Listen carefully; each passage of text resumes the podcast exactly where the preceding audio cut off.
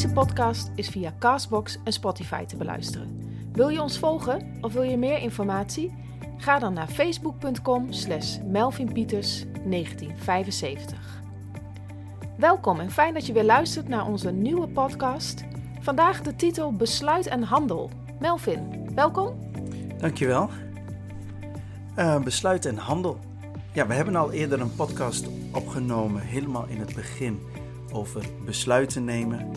Alleen dit keer, of deze keer, wil ik het eigenlijk in de context van uh, Jacob plaatsen.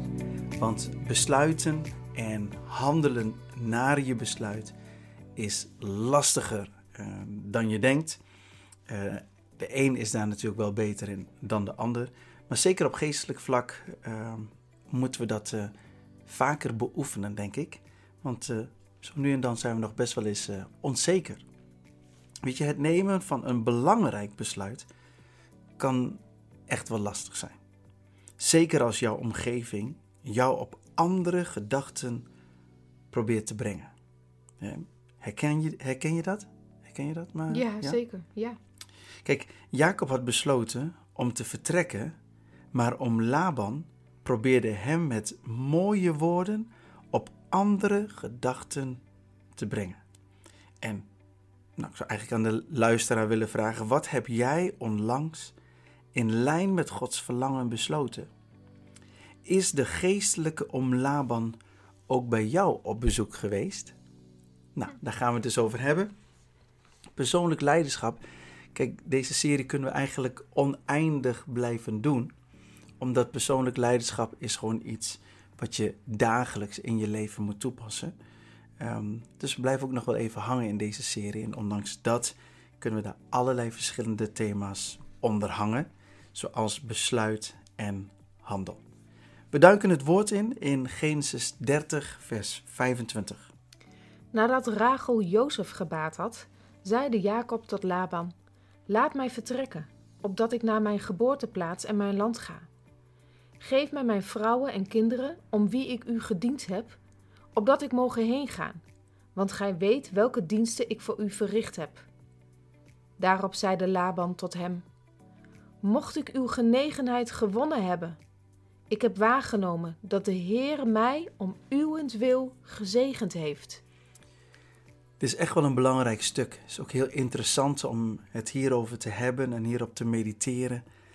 Want ik merk ook in mijn eigen leven dat je soms de verhalen kent en soms de diepgang van die verhalen niet meer onderzoekt. Maar dat gaan wij, uh, daar gaan wij vandaag verandering in brengen.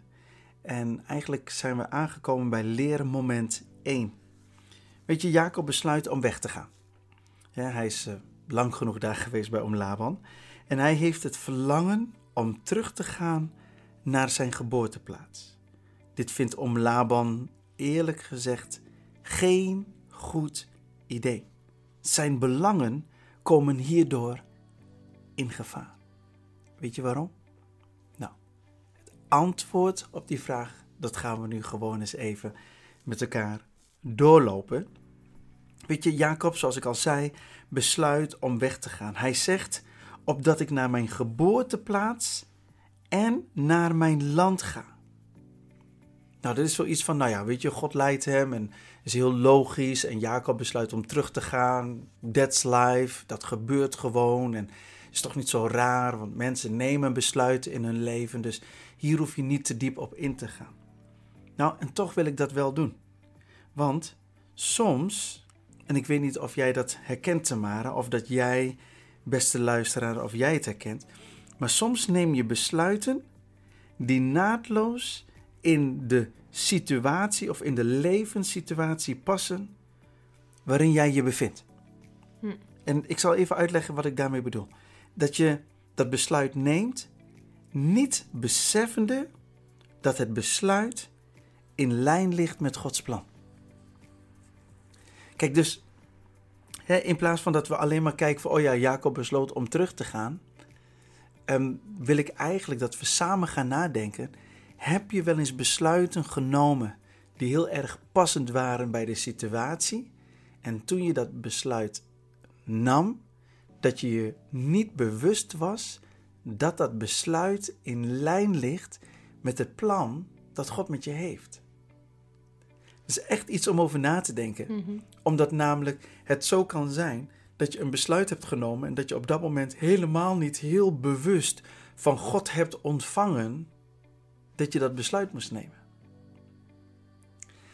Maar door de genade van God en dat God waakt over zijn belofte, dat hij je in ieder geval leidt. Hij manipuleert je niet, hij besluit niet voor je, hij leidt je. Hij is een goede herder die je leidt naar grazige weiden. En die grazige weiden zouden we vandaag kunnen zien als bijvoorbeeld een belofte die God aan jou heeft gedaan. Het zij door, een profeet, eh, door het eh, profetische of door gebed of door een droom, dat maakt niet uit. En God leidt je. Eh, heb je dat wel eens meegemaakt, Tamara? Dat je dat achteraf zo bekijkt en denkt, hm, daar blijkt God toch meer in te zitten dan dat je dacht? Nou ja, ik was er zo over het nadenken terwijl je dit aan het vertellen was. Was ik even aan het bedenken van, goh, welke besluiten heb ik genomen? En dan kom ik denk ik misschien toch al wel snel werkgerelateerd uit of zo. Hè? Dat ik een keuze heb gemaakt om me ergens ehm, met het, toch al wel een beetje met het oog op de toekomst, om ergens voor te gaan, zeg maar, om te gaan solliciteren. Want jij werkte toen bij? Ik werkte toen nog bij mee. En ik wist natuurlijk dat er ergens een moment ging komen dat er een transitie zou gaan plaatsvinden. Dat er bepaalde verantwoordelijkheden vanuit de overheid naar de gemeentes zouden gaan. En toen dacht ik, ja, ik weet eigenlijk niet of mijn baan, of ik dan nog wel een baan blijf behouden ook voor de toekomst. Ehm, en daarover nadenkend, ehm, nou ja, hè, heb, ik, heb ik toen op een gegeven moment ook een besluit genomen om te zeggen, weet je wat, ik ga solliciteren voor een nog niet bestaande organisatie, een, een pilot. En dan, eh, nou ja, weet je, zien we wel of dat uiteindelijk iets gaat worden. Eigenlijk koos je dus best wel voor een onzekere toekomst. Nou ja, ik, ik bleef nog wel in dienst van mee, hè? dus dat Oh ja, was dat wel was de, de Ja. zekerheid die ik had. Ja, Ehm, maar het onzekere was natuurlijk wel dat ik ergens vol voor ging waarvan je niet precies weet, ehm, vind je dat ook echt heel erg leuk? Want het moest allemaal nog opgestart worden, het bestond nog niet. Ja. Ehm, heeft het voor de toekomst ook een, een, een, een waarde? Blijft het bestaan? Eh, hoe gaat zich dat verder vormgeven? Ja, dat was wel even het onzeker erin. Ehm, en achteraf gezien is het denk ik gewoon de meest goede beslissing die ik heb genomen. Omdat ik nu gewoon de leukste baan heb die er maar bestaat, wat mij betreft. Amen. Ja. Ehm, en inmiddels zijn we zeven jaar verder en ehm, staan we tot een heel mooi, mooi team. Ehm, ja, waarin ik heel gewoon blij ben dat ik die keuze heb gemaakt. Als ik die keuze niet had gemaakt, dan weet ik ook niet dan, of ik dan nog wel een baan had gehad bij mee op dat moment. En ook nog een leuke baan. En ook nog een leuke baan. Terwijl je dat aan het vertellen bent, ehm, zit ik te denken aan de baan die ik nu heb. Ja. Want als het gaat om een onzekere toekomst, dat gold voor mij wel. Mhm. Eh, ik werkte voor Randstad en ik werkte toen eh, zeven maanden voor de Rabobank. En eind 2008 had ik een gesprek met de directeur, met Elwin Groeneveld. Hij had mij aangenomen en ik weet nog heel goed dat hij mij belde. Hij zegt, je bent aangenomen, maar ik weet niet of je een baan hebt. Omdat de staatssecretaris destijds, ehm, die moest nog besluiten dat hij 15 miljoen richting credit zou gaan. En toen wij begonnen op 5 januari 2009 was het nog steeds onzeker of wij het zouden redden op de markt en of ik dan een baan zou hebben. Dus voor mij god dat wel gewoon. Mhm. Ehm, wij zijn al bijna 12 jaar verder en ik had geen betere keuze kunnen maken. Als ik zie wat God heeft gedaan in de afgelopen 12 jaar, heel eerlijk, je, wij kozen, wij namen dat besluit om de simpele reden, ik moest voor mijn gezin zorgen. Maar God heeft dat op zo'n manier gedaan dat ik dacht van nou, deze keuze past perfect in de situatie waarin ik mij bevind. Ik heb werk nodig en ik krijg werk. Nou, perfecte match. Mhm. Niet wetende hoe God dit zou leiden. En dan in de financiële wereld. Dus Ja. eh, dat is echt super. Dus heel mooi dat je dat voorbeeld aanhaalt. En dat is ook waar ik op doel. Dat je besluit en handel. Ehm, En dat, dat we soms denken, ja, maar is dit de wil van God? Nou, besluit en handel. Kijk even hoe je situatie eruit zit, uitziet. En ook even gewoon ehm, naar de mens gesproken. Neem een goed besluit. Ik moest toch gewoon zorgen voor mijn gezin. Mhm. Alleen, God waakt over zijn belofte. Ja. En, en dat, dat doet hij ook in het leven van Jacob. En wat ik wilde zeggen is dat Jacob nam een besluit dat in lijn lag met Gods plan. En de reden waarom ik dat zeg is omdat God Jacob in het verleden het volgende had beloofd. En het staat in Genesis 28, vers 15. En zie, ik ben met u, en ik zal u behoeden overal waar gij gaat. En ik zal u wederbrengen naar dit land, want ik zal u niet verlaten, totdat ik gedaan heb wat ik u heb toegezegd. Hoeveel jaren heeft Jacob gewerkt voor zijn twee vrouwen in totaal? Eh 14 volgens In mij. totaal 14. Daarna heeft hij nog voor de kudde gewerkt, Mhm. zeg maar. Hè? eh, klein vee. Eh, als ik me niet vergis, zes jaar. Dus in totaal is hij 20 jaar weg geweest. 20 jaar, dus bijna een generatie. Mhm. En op een gegeven moment neemt Jacob een besluit. Ik geloof echt wel dat Jacob ergens in zijn hart wist dat God hem zou brengen. En aan de andere kant dat het ook de, ge- gewoon de situatie is dat hij een besluit neemt. Blijkbaar, als we met God leven, leidt God ons ook op die weg. Wij weten niet altijd alles van tevoren, ook al belooft Gods woord ons dat de Heilige Geest ons de toekomst wil verkondigen. Ehm, maar het is ook heel fijn dat Hij ons gewoon de toekomst inleidt. Hè? Wat Mhm. mij betreft is allebei goed. Als je nu luistert, dan is dit de vraag. Welke keuze moet jij vandaag maken? En misschien ligt de keuze wel meer in lijn met Gods plan voor jouw leven dan dat jij beseft. Net zoals wat Tamara en ik net vertelden over het werk. Misschien is dat ook het geval voor jou. Ik wil nog iets delen. En dat eh, klinkt als volgt, of dat gaat als volgt. Jacobs vertrek brengt Labans gevangen in gevaar. Belangen. Niet gevangen, maar belangen. Ik zei gevangen. ja. Jacobs vertrek brengt Labans belangen in gevaar. En zullen we gewoon eens onderzoeken waarom dit zo is? Want in Genesis 30, vers 27, en dat eh, had Tamara net voorgelezen, zijn er twee dingen die opvallen. Ten eerste, Laban zegt dit: Mocht ik uw genegenheid gewonnen hebben. Nou, even ter herinnering: Laban is een onderkruiper. Dat klinkt niet zo heel netjes en het klinkt ook super negatief, maar dat is het eigenlijk ook wel een beetje. Hij ehm, regelde dingen die eigenlijk in zijn voordeel waren en ten nadele van Jacob. Mm. Nou weet je, zulke mensen kennen woorden als genegenheid helemaal niet. Genegenheid betekent namelijk genade. Hoe kan oom Laban in Jacobs ogen genade hebben gevonden als hij hem diverse malen heeft bedrogen? En de woorden van oom Laban zijn bedoeld om Jacob te paaien, maar ten voordele van hemzelf. En waarom zeg ik dat nou eigenlijk? Nou, als je op het punt staat om een besluit te nemen dat jouw omgeving geen goed idee vindt, zullen zij woorden gebruiken die zij normaal niet gebruiken. Ze proberen, of zo proberen ze jou eigenlijk te beïnvloeden om een hele andere keuze te maken. Niet in jouw voordeel, maar in hun voordeel. Maar besef dat jouw keuze in lijn ligt, of soms in lijn ligt met Gods plan. En natuurlijk wil de boze je hiervan afhouden. Kun je me volgen, Tamara? Jazeker. En ik, ik denk dat dat ook heel goed is om dat voor ogen te houden, om dat helder te hebben, om dat scherp te hebben. Omdat namelijk als je besluit, kan, er- kan, kan zeg maar het, er een drempel zijn dat je er niet naar handelt. Kijk, dat je, het dat je een besluit hebt genomen is één, hè? Maar er naar handelen is Mhm. echt wel een tweede. Ja.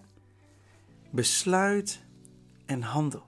Nou, weet je, wij mogen ook best wel alert zijn op de dingen die spelen in ons leven. En het kan natuurlijk maar zo zijn dat wij ook eh, geestelijke omlabans eh, tegenkomen in ons leven. Weet je, laten we hem gewoon even eh, de duivel noemen, om maar zo te zeggen. Allerlei situaties die hij als het ware wilt voorspiegelen om het besluit dat je hebt genomen om die te dwarsbomen. Om te dwarsbomen dat jij niet die stap gaat maken die je eigenlijk wel zou moeten maken. Weet je, kan je nog herinneren wat Jezus tegen Petrus zei? Ja, dat staat in Matthäus 16, vers 23. Doch hij keerde zich om en zeide tot Petrus: Ga weg achter mij, Satan. Gij zijt mij een aanstoot, want gij zijt niet bedacht op de dingen Gods, maar op die der mensen. Dat is wel heel radicaal. Maar Jezus had het precies in de gaten. Dat hij had een besluit genomen om de wil van de Vader te doen en er naar te handelen. Maar dat wilde Satan helemaal niet. En hij probeerde zo door Petrus heen, als het ware, gewoon te zeggen: Jezus, maar dat gaan we niet doen. U gaat dat niet doen. En Jezus doorziet de situatie. En ik denk dat wij als christenen ook zulke situaties moeten doorzien. Dat je op een gegeven moment kan zien van hé, hey, ze proberen me tegen te houden. Wacht eens even, ik kijk er dwars doorheen. Ik snap het plan, maar ik ga er toch naar handelen. Ja. En die combi van besluiten en handelen is ontzettend krachtig. Want God kan je alleen maar sturen of bijsturen, let op, als je in beweging bent. De reden waarom ik het zeg, is omdat we soms willen dat God ons stuurt of bijstuurt, maar we zijn niet in beweging, we zijn passief. We hebben alleen maar een besluit genomen, maar er is geen handelen. Maar het is belangrijk om in beweging te zijn. Wat is makkelijker te, te besturen? Een auto die stilstaat en je, en je draait dan aan het stuur? Of een auto die rolt? Een auto die al rolt. Die in beweging is. Dat merk je ook gewoon. Hetzelfde als met mensen. Om mensen die heel enthousiast zijn, hè, die moet je misschien af en toe een beetje temperen en een beetje sturen. Tien keer makkelijker dan iemand zeggen, ja, ik, dat kan ik niet. Of dat wil ik niet. Of hoe moet dat dan? Weet, weet je dat? Oh, verschrikkelijk. Weet je, dat, dat, dat kun je sturen wat je wil, maar die kun je beter naar huis sturen. ja, dat is goeie. Weet je, want het heeft geen zin. Ja. En, en die verantwoordelijkheid ligt niet bij God, ligt ook niet bij de duivel, die ligt bij ons. Mhm. En als je meeluistert, die verantwoordelijkheid ligt bij jou. Nou, dat was het eerste, hè? mocht ik uw genegenheid gewonnen hebben. Dat vond ik al heel bijzonder. Maar ik had er twee beloofd, dus hier komt het tweede. En daar staat, ik heb waargenomen, althans dat zegt Laban, dat de Heer mij om uwentwil gezegend heeft. Nou, wat ik bijzonder vind, is dat oom Laban, hè Tamara, tot deze conclusie is gekomen. Hmm. Iemand die zo in zijn eigen voordeel denkt. Dat hij toch in staat is om op te merken dat de bron van zegen bij iemand anders ligt. Hmm. Bij Jacob. Ja. Ligt niet bij Laban. Wauw. Dus het is heel erg goed mogelijk. En dan hè, op basis hiervan. Dat, dat mensen worden gezegend zonder dat zij de bron van zegen zijn. Hmm. Maar omdat zij mensen die gezegend zijn in hun leven hebben. En die mensen zouden wel eens kunnen denken dat zij gewoon, gewoon zo goed zijn dat alles goed gaat. Maar wat er gebeurde in het leven van oom Laban had alles te maken met het feit dat Jacob er was. Ja. En nou zegt Jacob, ik ga er vandoor. Hij, dacht, daar- hij dacht, daar gaat mijn zegen. Ja, 100 procent. 100 procent dacht hij dat. Sinds wanneer heeft Laban gezegd: "Hmm, De Heer heeft mij gezegend omdat jij hier bent? Sinds, sinds wanneer zegt hij dat? Hmm. Even heel plat, hè? En ik hoop dat als je meeluistert, dat je de context heel goed kan begrijpen. Maar dit zijn zulke sneaky woorden, Ja. jongen. Dit is zo sneaky. Oh nee, maar Tamara, eh, nou weet je, ik heb echt gezien, hè? Ja, ja, de Heer heeft mij gezegend omdat jij ehm, in mijn leven bent. En in mijn geval is dat ook echt zo. Amen. Amen. Amen. Maar weet je, dat klinkt heel mooi en, en zo kunnen we mensen paaien, Paaien, zo kunnen ja. mensen manipuleren. Ja. Maar wat Jacob ging doen, was doen wat God hem had beloofd. En, Mm. en, en God wilde Jacob weer een andere kant op sturen. Het was genoeg 20 jaar bij Oom Laban. Ja, het was al langer dan dat hij bedacht had in ieder geval. Weet je wat wel mooi is, maar dat gaan we niet tijdens deze podcast behandelen? Is dat Jacob inmiddels in al die jaren bij Oom Laban tien keer slimmer is geworden. Hmm. Hij laat zich niet meer gek maken. En later in het verhaal lees je ook gewoon dat Jacob zegt tegen zijn vrouwen, oftewel tegen de dochters van Laban: Jullie vader heeft mijn loon wel tien keer gewijzigd. Mm. En dan gaat hij, op een gegeven moment zegt hij van, nou ik wil straks de, de gevlekte en de gestreepte en de zwarte en het zwarte kleinvee. En hoe God daar doorheen werkt. Nogmaals, gaan we niet tijdens deze podcast doen, die waarschijnlijk volgende week of die week daarop. Maar dat is schitterend om te, zo- te, te zien. Weet je, ehm, Laban zegt, ik heb waargenomen. Nou, als je letterlijk het woord zou nemen, waarnemen, zouden we vanuit het Nederlands zeggen dat Laban heeft gezien. Mhm. Maar dat, dat zouden, dan zouden we dit woord tekort doen. Want als je dit woord even gaat bestuderen en gaat bekijken, staat er eigenlijk: Ik heb meegemaakt door ervaring. Ja. Ik heb het aan de lijve meegemaakt. Dus ik heb het niet alleen gezien, ik heb het dat wil ik Ervaren. Ik wil dat echt even benadrukken. Ja. Omdat ik namelijk geloof dat mensen die gezegend worden omdat jij, beste luisteraar, omdat jij in hun leven bent, dat ze echt gaan ervaren dat zij die zegen ervaren. Hmm. En ik denk dat wij als christenen nog heel vaak in de mindset zitten: oh, nou ja, het ligt niet aan mij hoor. Hmm. Ehm, technisch gezien heb je gelijk, het ligt inderdaad niet aan jou, want de bron is God zelf. Ja. En toch is het Gods bedoeling dat anderen gezegend worden, omdat jij er bent. Ja. Daarom is jouw aanwezigheid relevant. Ja? Ja. Oké.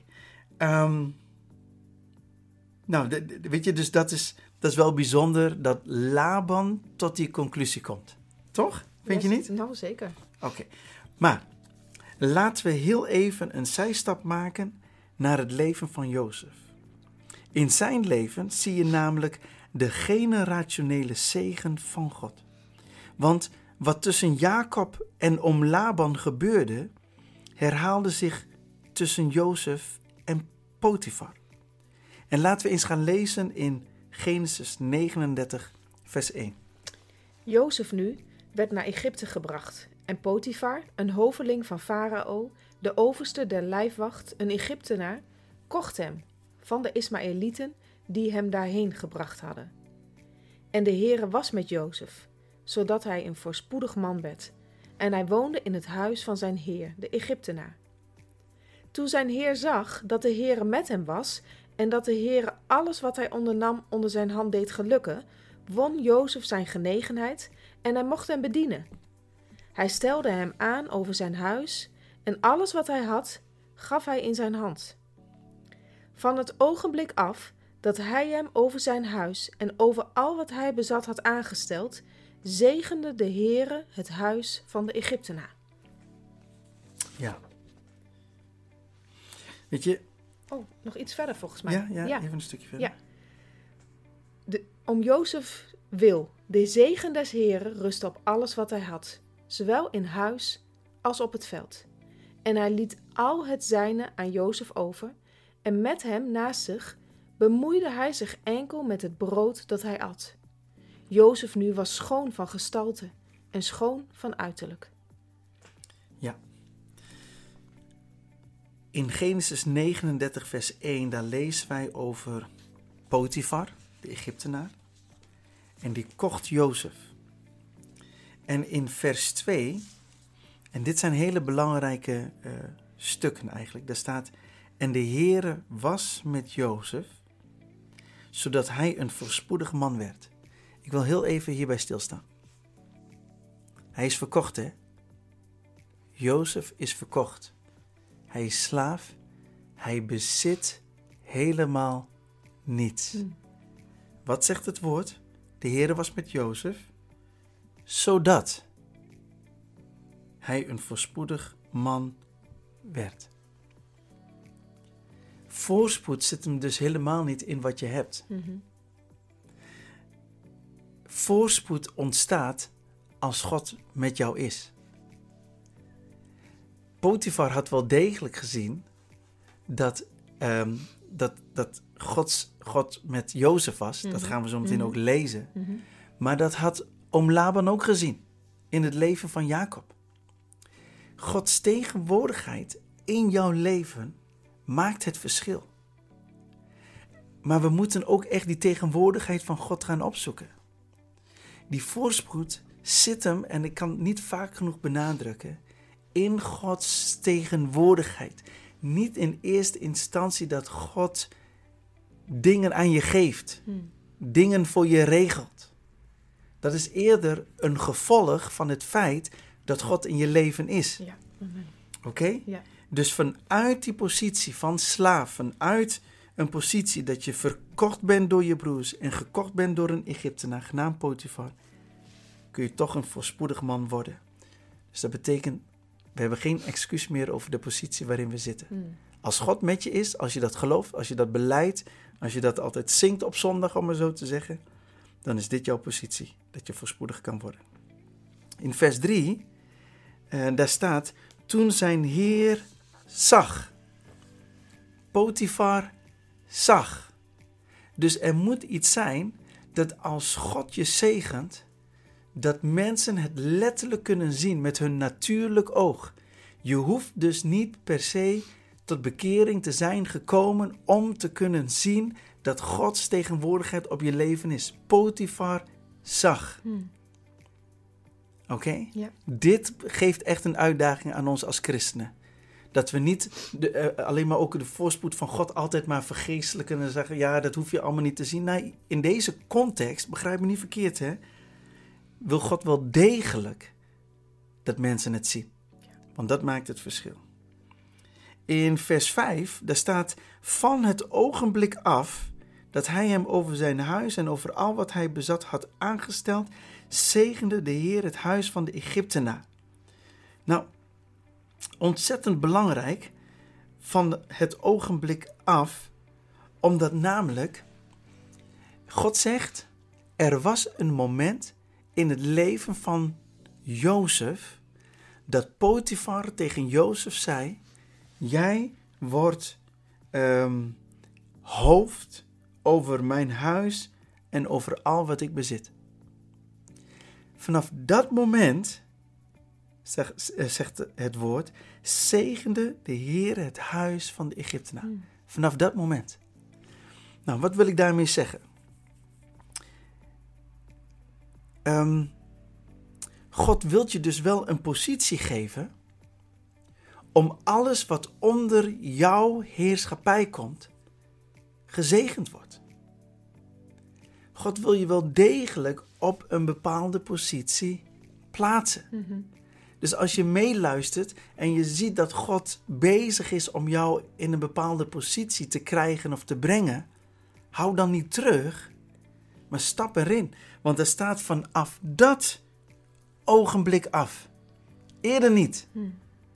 Zo van, oké Jozef, jij bent nou heer. Jij, bent, jij mag nou regeren over het huis van Potifar. En ik ga het zegenen.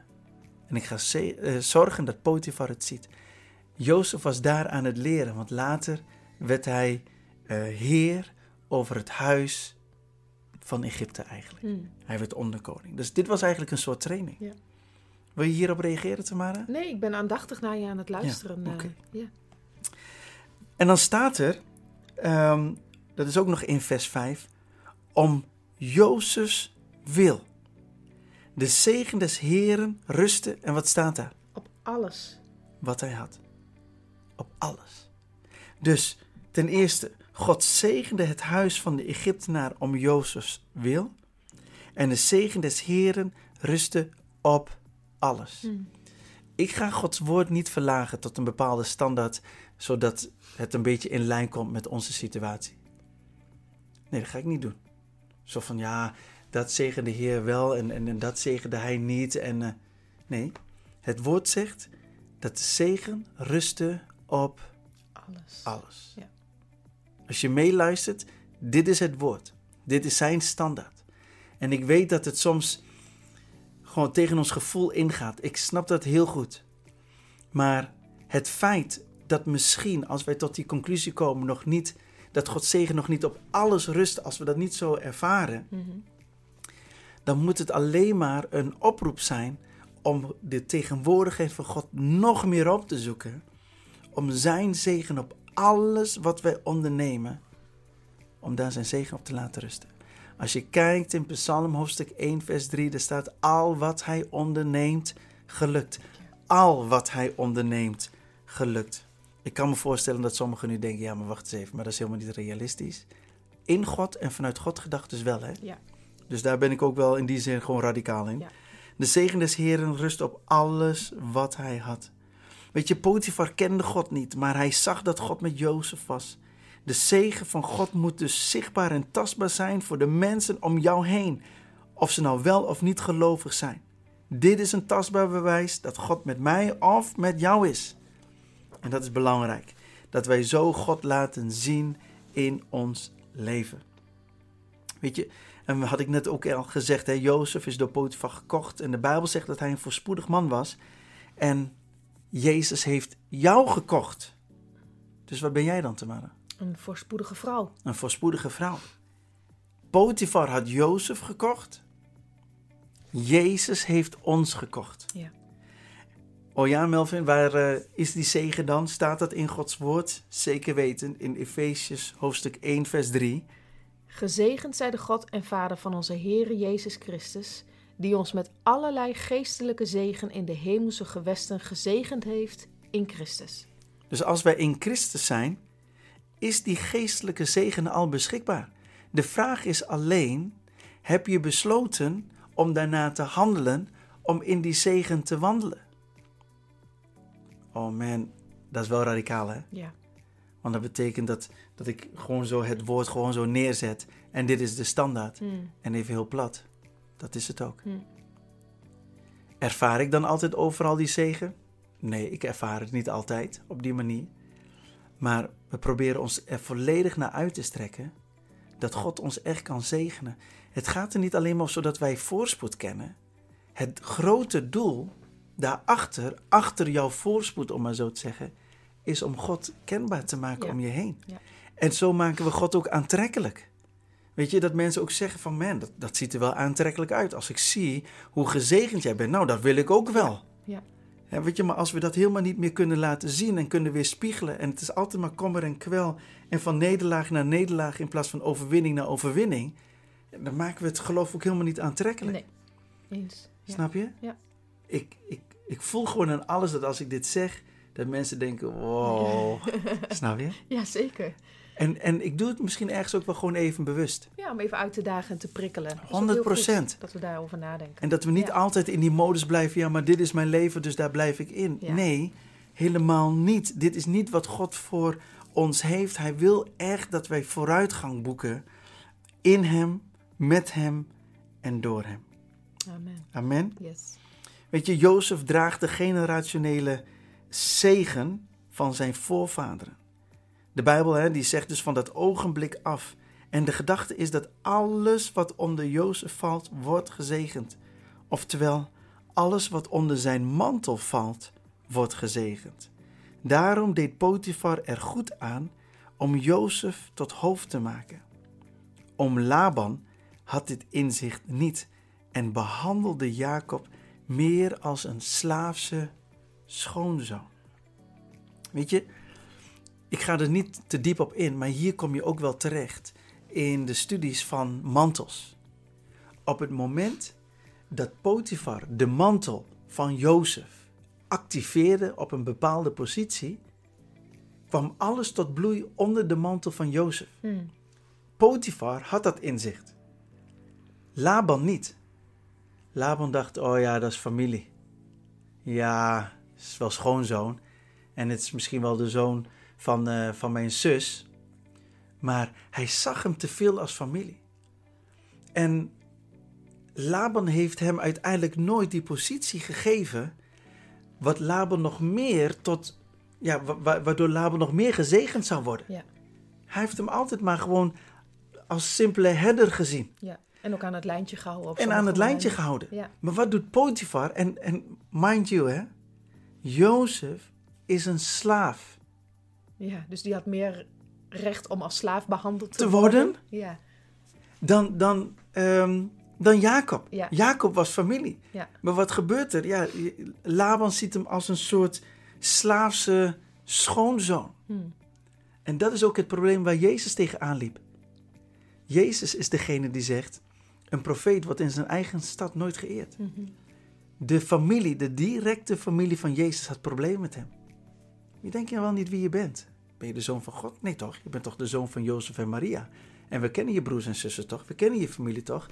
We weten toch waar je hebt gespeeld? We weten toch hoe, hoe dit en hoe dat? Hmm. En dat zorgt ervoor dat die mantel die Jezus droeg, dat er niet meer werd gezien. En de Bijbel zegt letterlijk dat hij daardoor niet veel wonderen kon doen in zijn stad. En dus ergens anders naartoe ging, waar wel gewoon allemaal wonderen en tekenen gebeurden. ja. En dat vind ik een heel bizar beeld om dat zo te, te zien. En weet je waarom ik het helemaal bizar vind? Potifar was een heiden. En hij zag het. Hmm.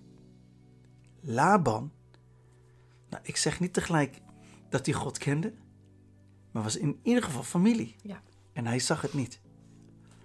En hier zie je echt wel het probleem soms ook in het vrijzetten van mensen op de juiste plek, omdat wij een verkeerd beeld hebben van hoe dit werkt. Ja. Oké? Weet je, het is nu wel duidelijk waarom om Laban Jacob niet wilde laten gaan en hem wilde overhalen om, nou ja, zo lang mogelijk bij hem te blijven. Maar ik wil je motiveren, of wij willen je motiveren en inspireren, om niet naar de paaiende woorden van om Laban te luisteren, maar om te doen wat God van je vraagt. Weet je nogmaals, de geestelijke om Laban is de duivel zelf die jou op andere gedachten wil brengen en plannen niet wilt doen laten eh, doorzetten. Maar daar moeten we mee stoppen. Ja. ja? Tamara, wil je een paar praktische tips eh, aan ons meegeven? Hoe kunnen wij nou onze situatie in beeld brengen? We drie praktische tips. Nummer 1. Misschien dat je opnieuw een profetie, een belofte, een tekst, een gesprek, een situatie of een gebed of wat dan ook uit de symbolische kast moet halen. Haal weer even naar voren wat de kern van de situatie of boodschap was. Probeer dan te ontdekken of jouw huidige situatie aansluit op die profetie of belofte. Mhm. Is dat helder, Tamara? Ja. Ja? Ja. En ik denk echt dat we dat moeten doen. Eh, heel praktisch. In gebed ook gewoon, maar ook gewoon over nadenken. Punt 2. Het besluit dat je hebt genomen of wilt gaan nemen, sluit die aan op de profetie of de belofte. Ja. In het leven van Jezus zie je ook gewoon dat hij leeft volgens hetgeen over, wat over zijn leven is geprofeteerd. Hè, en, en dat is heel bijzonder dat God eigenlijk al het plan van de Vader wist en zijn leven ook gewoon zo inrichtte. Punt. Ja. Dat het leven soms andere dingen eh, met zich meebrengt, dat snappen we. Maar ik denk dat het heel goed is om te beseffen, om het leven van Jezus als model te nemen. Toen hij geboren werd en het plan was al uitgeschreven, leefde hij gewoon volgens dat plan. Stick to the plan. Ja. Ja? Ja. Oké. Punt 3. Merk je dat de mensen om jou heen je van een bepaalde keuze af willen houden, terwijl jij het idee hebt dat God deze keuze van jou vraagt? Beginnen zij ineens ook anders te praten? Net als om Laban? Begrijp ons niet verkeerd. Het is niet de bedoeling om de mensen om jou heen in een kwaad daglicht te zetten of om iets geestelijks te maken dat niet geestelijk is. Het is onze bedoeling dat je op een praktische manier jouw situatie enigszins kunt analyseren. Dat je een besluit in lijn met Gods verlangen durft te nemen en er ook naar handelt. Heel veel zegen. Ja. Ehm, ik, ik heb dit gewoon hier zo neergezet omdat dit ook is wat wij doen. Ja. Om het gewoon heel praktisch te maken. En het feit dat je het praktisch maakt, maakt het niet minder geestelijk. Mhm. Sterker nog, misschien is dat juist wel heel geestelijk, omdat je op zoek bent naar wat God heeft, wat God heeft voor jou. Dus besluit en handel. Ja, het is ook gewoon heel wijs hè, om op deze manier hiermee om te gaan. Ik bedoel, het is niet iets. ehm, het, zou, het zou niet vreemd in je oren moeten klinken ook of zo. Hè, als je niet, deze nee. punten. dat- dat- eigenlijk klinkt het ook gewoon als, als wijsheid om dit toe te passen. Ja. Hè, om niet als een kip zonder kop zeg maar, een beslissing te nemen en eh, je zo te laten leiden door de omstandigheden van dat moment. Of omdat iemand tegen jou heeft gezegd dat, Ja. doe ik dat maar. Ja. Nee, he- helemaal eens. Alleen we doen het echt te weinig. Hmm. Ehm, ik, nou ja, of ik, wij luisteren met een bepaalde regelmaat terug naar profetieën hè, Mhm. die over ons zijn uitgesproken, of we lezen het. Om gewoon elke keer, zeg maar, als de profetieën in ons leven functioneren als een soort navigatiesysteem. Ja. Dat we zeggen, hé, hey, de situatie is helemaal niet zoals we graag zouden willen. Maar wat was het profetisch woord? En dan is het best wel eens dat we, nou gewoon om even een inkijk te geven, als wij 's ochtends aan het ontbijt zitten en we hebben gewoon die profetie op onze telefoon staan, dan drukken we gewoon even op play. En dan luisteren we samen gewoon even vijf tot tien minuten naar die profetieën om even weer herinnerd te worden, oh ja, dit is wat er werd gezegd. Hmm. Eh, de situatie ziet er niet zo als zodanig uit, maar wij geloven. Ja. Wij geloven dat, dat God dit gaat doen. Net zoals Abraham. En dat, dat staat in eh, Romeinen hoofdstuk 4. Hij geloofde tegen hoop op hoop dat hij een vader zou zijn van vele volken volgens hetgeen gezegd was. Zo zal uw nageslacht zijn. En weet je, dat is denk ik ontzettend belangrijk dat hij geloofde dat God in staat was om datgene te doen wat hij beloofd had. En zelfs als we het hebben over Jacob en over Jozef, dit is de zegen die voortkomt vanuit de Abraham. En ik denk dat wij echt opnieuw die profetieën van God echt uit de kast moeten halen. Maar weet je, misschien moeten we het ook niet meer in de kast terugleggen. Misschien is dat ons probleem. Als ik me nou te bedenken. Hmm. We leggen de profetieën daarna na het lezen ook weer terug in de kast. Want ja, nou ja, het zal toch wel niet gebeuren. Of ja, het lukt toch niet. Wat dacht je van Abraham? Man, als er ergens een profetie niet uit zou komen, was het in het leven van Abraham en Sarah. Mhm. Maar dan staat er heel duidelijk, maar ehm, hij, hij twijfelde niet aan de belofte Gods door ongeloof. Maar hij, hij, hij werd versterkt in zijn geloof en gaf God de eer in de volle zekerheid, staat er vanuit de MBG-vertaling, dat God bij machten was om hetgeen hij beloofd had ook te volbrengen. En, en op het moment dat wij in situaties terechtkomen van onvruchtbaarheid en zoals Abraham eh, gewoon zag van in het natuurlijke, mijn lichaam is oud geworden, de moederschoot van Sarah is oud geworden. De Bijbel zegt letterlijk, de moederschoot van Sarah is gestorven, Mhm. hè, was niet meer in staat om te baren. Maar Abraham geloofde gewoon dat God wel ging doen wat hij had beloofd. Hmm. En ik denk dat we de profetieën wat dat betreft weer wat dichter bij ons hart moeten houden in plaats van terugleggen in de kast. Ja. Yes? We gaan eh, naar de samenvatting. Jacob besluit om weg te gaan. Hij heeft het verlangen om terug te gaan naar zijn geboorteplaats. Dit vindt oom Laban eerlijk gezegd geen goed idee. Zijn belangen komen hierdoor in gevaar. Geestelijk gezien houdt de duivel je liever vast als slaaf of knecht. Hij wil niet dat je op je eigen geestelijke benen gaat staan en aan je eigen huis of je eigen leven gaat bouwen. Maar in en door Jezus Christus ben jij vrij. Besluit en handel. Heilige Geest, dank u wel voor deze podcast. Ehm, ook al struikelden we hier en daar wat over woorden, maar wij vertrouwen u volledig dat de kern van de boodschap over is gekomen. Dat wij onder uw leiding, Heilige Geest, want u bent onze parakletos, dat wij handelen en wandelen. Dat we besluiten en handelen, dat we besluiten en wandelen. En dat we ons niet laten tegenhouden door de woorden en door de paaiende woorden van de geestelijke oom Laban. En ik wil u bidden, Heer Jezus, wilt u de luisteraar genadig zijn? Wilt u hem of haar zegenen, inspireren en dat dit woord een goddelijke impact in zijn of haar leven mag hebben? Dank u wel dat u dat gaat doen. In Jezus' naam alleen. Amen.